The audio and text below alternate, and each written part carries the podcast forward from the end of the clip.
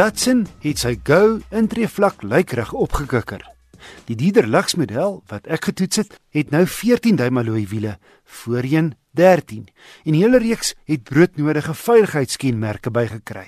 Die Go se binnekant is ook vernuwe met netjieser krom insetsels in die stuur en radkierie en paneelbord. En dan waar jy 'n sogenaamde banksitplek voorgekry het, is hy nou twee afsonderlikes met 'n handrem in die middel. Voorheen het jy soos 'n bril gehad wat jy hier links onder die stuurwiel opgetrek het, soos met die bakkies van ouds.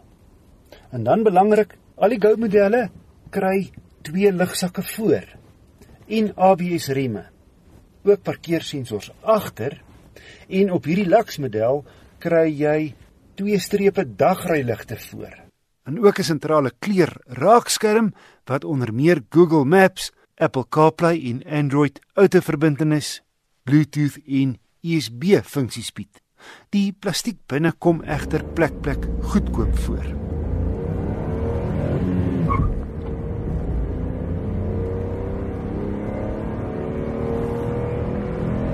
kraglewering 'n beskeie 50 kW en 104 Nm.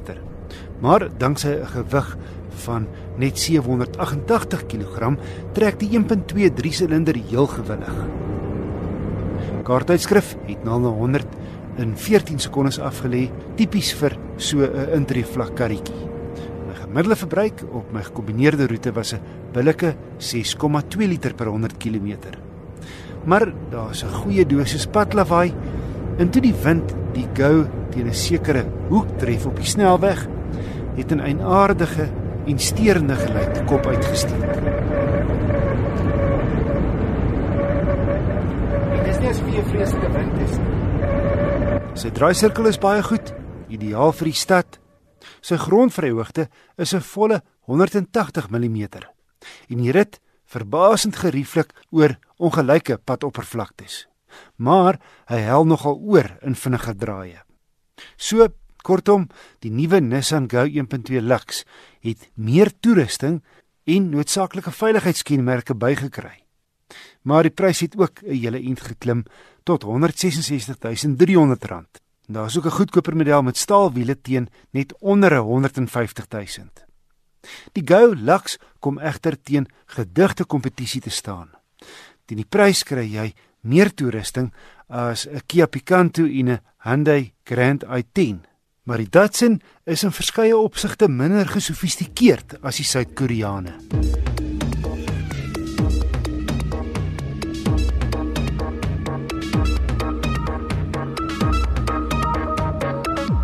In 'n segment wat deur die Duitsers oorheers word, die premium kompakte sedan, is daar ook 'n Brit, die Jaguar XE.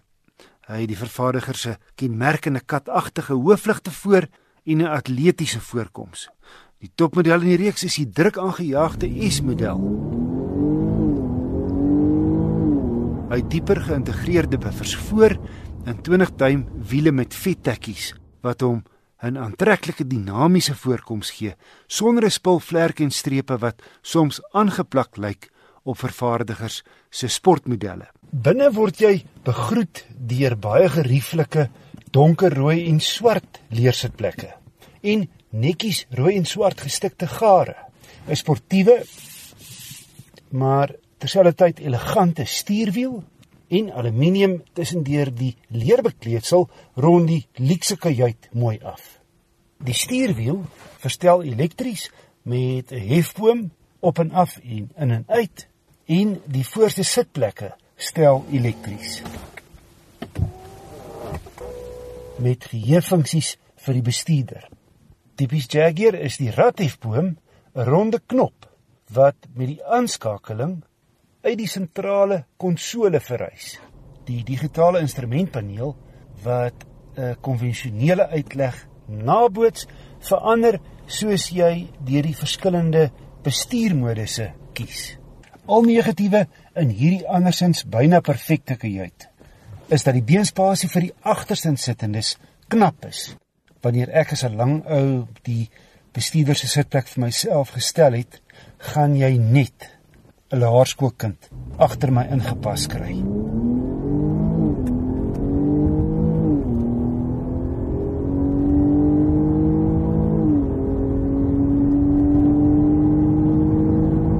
Sy druk aangejaagde 3 liter V6, die Engelse praat van 'n supercharger, stoot 280 kW en 450 Nm uit. Jaguar sê 0 na 100 vat op die kop 5 sekondes.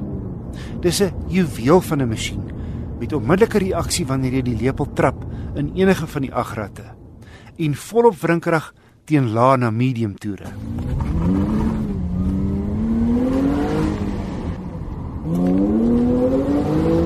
Veral in dynamic modus hanteer die onderstel al die krag uitstekend.